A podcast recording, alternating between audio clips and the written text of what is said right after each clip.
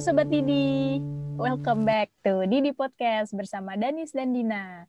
Gimana nih kabarnya teman-teman hari ini? Semoga pada baik-baik aja ya. Aku sih alhamdulillah baik-baik aja. Dan semoga yang puasa masih kuat sampai lebaran ya. Nah hari ini seperti biasanya aku nggak sendirian karena aku ditemani oleh partnerku Danis jadi Danis juga pengen nyapa dulu nih teman-teman. Halo teman-teman, semoga selalu sehat dan selalu semangat. Amin, insya Allah semangat semua ya. nah di episode ketiga ya Nis ya, kita udah episode berapa sih Nis? Iya, alhamdulillah udah ketiga nih. Oh iya, alhamdulillah. Di episode ketiga ini kita mau berbagi lagi sama teman-teman. Temanya adalah soal pencapaian. Nah, kalau pencapaian ini mungkin gak asing ya istilahnya karena pasti setiap dari kita punya pencapaiannya masing-masing. Tapi kok kenapa bisa tertarik untuk bahas soal pencapaian? Nah, aku sama Danis ini terinspirasi dari salah satu video wawancaranya Daniel Mananta dengan Reza Rahadian. Mereka tuh ngomongin apa ya, Nis, di videonya? Nah, jadi waktu aku lihat video itu ada cuplikan nih si Reza ini bilang nih kalau ya mayoritas orang-orang udah nganggap dia sebagai aktor yang bagus. Siapa sih emang yang kita pun tahu ya, maksudnya Zara Radian mainnya kayak gimana dan dia emang aktingnya bagus gitu. Nah tapi justru dia nggak nyaman loh dengan anggapan tersebut dan dia ngerasa ya ternyata banyak pujian tuh nggak selalu baik karena dia ngerasa ya harus struggle karena dia apa ya berusaha jangan sampai nurunin ekspektasi orang lain. Jangan sampai ketika orang udah ngomong nih dia aktor yang bagus terus akhirnya dia melakukan kesalahan sampai akhirnya eh, orang-orang jadi menilai dia uh, malah bukan aktor yang bagus gitulah istilahnya. Nah tapi ketika dia selalu berusaha mempertahankan pencapaiannya itu lama-lama juga ternyata pencapaiannya dia tuh ya jadi hal yang biasa aja. Ya udah ya emang Reza mainnya bagus Reza aktor yang bagus. Dan itu melelahkan gitu loh buat dia ketika dia harus struggle terus memenuhi uh, ekspektasi orang lain biar dia tetap ada di pencapaian itu gitu. Hmm, hmm, hmm, hmm. Tapi tapi mungkin sebenarnya wajar nih karena kita selalu mikir untuk jadi yang terbaik nggak sih? Kamu pernah merasakan itu nggak? Hmm, iya iya iya, iya yeah. sih. Mungkin ini kali ya di maksudnya ya fitrahnya manusia ya. Maksudnya mm. siapa sih yang nggak senang dipuji? Siapa yeah. sih yang nggak berhasil dapat pencapaian gitu kan? Iya benar-benar aku setuju. Ini aku keinget pengalamanku soalnya waktu SD. Aku tuh Gimana? waktu SD tuh termotivasi untuk berprestasi terus ya. Jadi semua lomba diambil. Pokoknya ambisius deh untuk jadi siswa berprestasi. Nah, Uh, tapi ya alhamdulillahnya ya dapat juara juga tapi orang-orang jadi anggap aku tuh anak yang anak yang berprestasi terus nah makanya dorongan dari orang-orang itu ya yang membuat aku untuk juara terus kayak gitu. Kalau kamu ada pengalaman kayak gini juga kah? Eh sama banget sih. Eh tapi aku mau nanya kamu deh. Ya. tapi waktu kamu SD itu ya ngerasa capek nggak sih Din? Kayak maksudnya kamu ngerasa nge-pressure diri kamu terus gitu. Capek nih capek. Makanya jadi pas SD itu sebenarnya Eh, masa-masa uh, di mana aku tuh belajar kegagalan sih. Jadi ada satu momen di mana akhirnya aku merasakan kegagalan untuk pertama kalinya dan itu aku nangis. Itu aku benar-benar nangis, aku kecewa sama diri aku sendiri gitu. Tapi abis itu aku mikir, ya selama ini aku menang, ya senangnya itu cuma saat itu aja. Setelah itu kayak udah nggak ada apa-apa lagi dan orang-orang juga udah nggak muji-muji aku lagi gitu.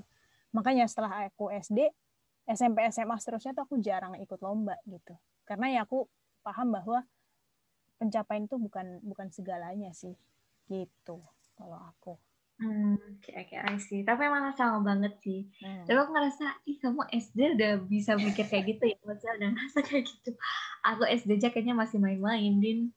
Nah, tapi sebenarnya nggak beda jauh sih apa yang aku rasain ini sama yang kamu rasain dulu. Tapi kalau akunya waktu SMA.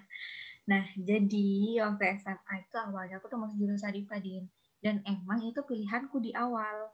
Nah, nah tapi kamu tahu nggak aku dulu masuk IPA karena kuliahnya pengen ambil jurusan apa? Coba coba. Kedokteran ya? Enggak enggak. Apa? Aku tuh pengen ambil jurusan teknik informatika. Serius, Nis? Aku baru tahu loh ini. Iya, aku mau pernah cerita ya kamu. Enggak pernah. Coba sih, kalau kalau ingat itu, aduh, sekarang kocak banget deh. Berarti aku, aku seorang hmm. dari jadi anak teknik ya Aku nemu satu julukan lagi nih. Berarti mantan anak teknik informatika ya, kamu ya? Enggak, orang nggak sampai, ih, nggak sampai daftar. lanjut, lanjut. Nah, lanjut ini ya.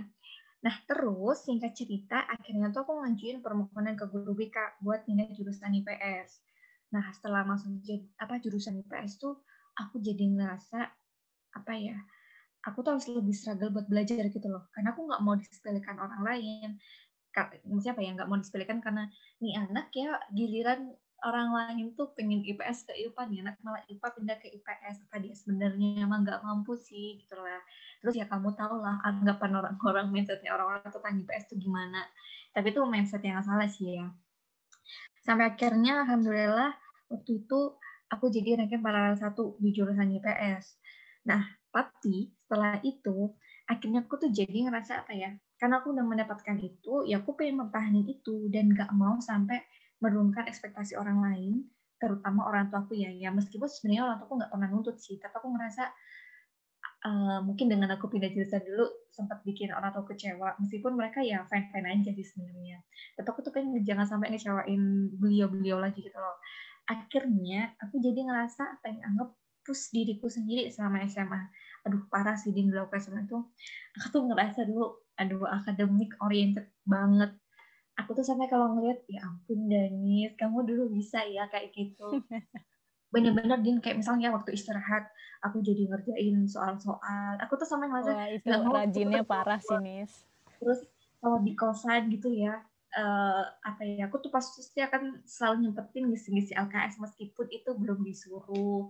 Pokoknya emang aku harus belajar belajar belajar dan belajar gitu lah intinya. Dan jujur itu sangat melelahkan buat aku sebenarnya makanya kayak oh my god gila sih kalau aku ngeliat diriku di SMA itu. Wah bener sih. Aku bisa relate kalau kamu ya merasa lelah ya. Dan Mas Reza itu kan juga merasa lelah gitu kan. Karena kita kita struggle untuk mempertahankan jadi yang terbaik gitu. Dan kalau aku dulu tuh aku sendiri tuh ada pikiran nih. Sekali aku gagal maka aku nggak akan pernah jadi yang terbaik seperti dulu gitu. Pada saat itu ya waktu SD yang masih academic oriented gitu. Kamu pernah ngerasa hal yang sama nggak, Nis? Hmm, kalau waktu SMA iya sih, benar sih. Ah, ah, iya iya iya. Nah, kita balik lagi nih ke wawancaranya Mas Reza tadi. Kalau aku bisa tarik uh, benang merahnya, kadang orang tuh terlalu sick too much supaya dianggap baik terus gitu. Padahal jadi yang terbaik itu bukan berarti selalu baik. Karena kalau kita berada dalam kondisi yang stabil, baik stabilnya itu bagus terus, stabilnya itu jelek terus, atau stabilnya itu biasa-biasa terus, itu tuh nggak nggak tepat karena kita jadi 420, eh 420, maksudnya zona nyaman ya, jadi nyaman dengan zona itu gitu ya. Ini ya di secara Apa? Hindi aja. Di. Secara Hindi.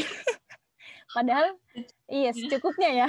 Aduh, ini kita jadi iklan nih. Kita nggak disponsorin ya teman-teman ya. Mohon maaf. Jadi itu selingan aja ya itu. Akhirnya kita jadi nyaman dengan zona itu padahal kita sudah sewajarnya terus berkembang. Dari kesalahan diperbaiki jadi baik. Salah lagi diperbaiki lebih baik dan seterusnya. Terlalu banyak dipuji jadi bikin burden atau uh, apa namanya? Burden tuh apa nih? Burden itu kok aku jadi lupa ya? Beban, semacam beban, beban, beban. Ya beban bagi orang yang dipuji. Karena dia jadi termotivasi untuk sama sekali nggak salah ya kan Padahal balik lagi, setiap manusia itu wajar punya kesalahan. Jadi jangan takut salah. Justru ketika orang lain itu uh, melihat kesalahan kita yang kita tidak lihat, itu kan jadi evaluasi untuk diri kita menjadi lebih baik lagi. Gitu, teman-teman. Nah, ini sesuai nggak sih, Din, sama hmm. ini nih, apa yang kita pelajari di kuliah kita dulu. Nggak kuliah dulu banget yang kita pelajari di psikologi maksudnya tentang konsep human development discourse. Oh iya iya. Nah, iya. ini kan yang menjelaskan bahwa pengembangan diri manusia itu tergantung pada prosesnya. Jadi gagal itu nggak apa-apa, bukan berarti kegagalan itu apa ya akan meruntuhkan pencapaian kita sebelumnya tuh nggak gitu gitu. Kayak seperti kata kakek kita Albert Einstein, nah life is like riding a bicycle, to keep your balance you must keep moving. Nah, jadi hidup itu seperti sepeda ya kalau mau seimbang ya harus tetap bergerak. Nah, roda kan bergeraknya kadang di bawah, kadang di atas. Jadi suatu hal yang wajar ketika di suatu kondisi kita bisa berhasil, tapi kadang di kondisi lain kita juga gagal untuk meraih suatu pencapaian. Dan benar ya, kalau kata Mas Reza ini, aku nge-highlight kata-katanya ini nih. pujian itu lama-lama ya jadi biasa aja gitu. Hmm. Dan kamu tadi kan juga ngerasain kan ini ya, maksudnya cukup relate banget emang. Hmm. Misalnya kayak kita apa ya, kayak misalnya ini kalau kita waktu itu pernah menang lomba atau wisuda atau mungkin baru dapat kerja, vibes-nya senengnya itu paling apa sih satu sampai dua hari atau paling lama banget deh seminggu kan. Nah setelah itu ya udah kita harus struggle lagi gitu. Ya emang bener gitu loh life tuh eh, life like riding a bicycle ya kita emang berproses terus, berputar terus gitu. Nah ini aku pernah bilang ke Dina nih, uh, karena dunia itu emang semua ya, maksudnya ketika kita udah mencapai suatu pencapaian, ya udah ya senangnya cuma bentar doang gitu. Setelah itu ya emang kita harus berjuang lagi. Dan emang ya dunia itu tempatnya capek, tempatnya bekerja keras gitu. Aduh, efek bulan Ramadan nih jadi berasa tausiah deh aku. Aduh, dalam banget guys. Aku terharu dengernya. Nah, jadi kesimpulannya apa teman-teman? Kesimpulannya kita jangan pernah puas, jangan pernah takut juga. Jangan puas dengan apa yang sudah kita capai, jangan pernah takut juga untuk gagal. Karena yang paling penting adalah bagaimana bumi berputar. Itu lagu nggak sih? bagaimana air, air mengalir, mengapa dunia berputar itu loh Nis bener nggak sih iya, iya, iya, iya seperti kata Sherina ya tadi kan 420 udah ya kan hmm. Hindia udah ini Sherina ya jadi yang penting adalah bagaimana roda itu berputar alias proses kita untuk menjadi lebih baik dari hari-hari sebelumnya. Mantap jiwa. Mantap jiwa kan tuh? Oke teman-teman. Kira-kira itu yang pengen jadi, kita yang pengen kita bagikan hari ini. Semoga bermanfaat, menambah semangat kita juga untuk berproses terus menjadi lebih baik. Jangan lupa share ke teman-teman juga, teman-teman yang lain.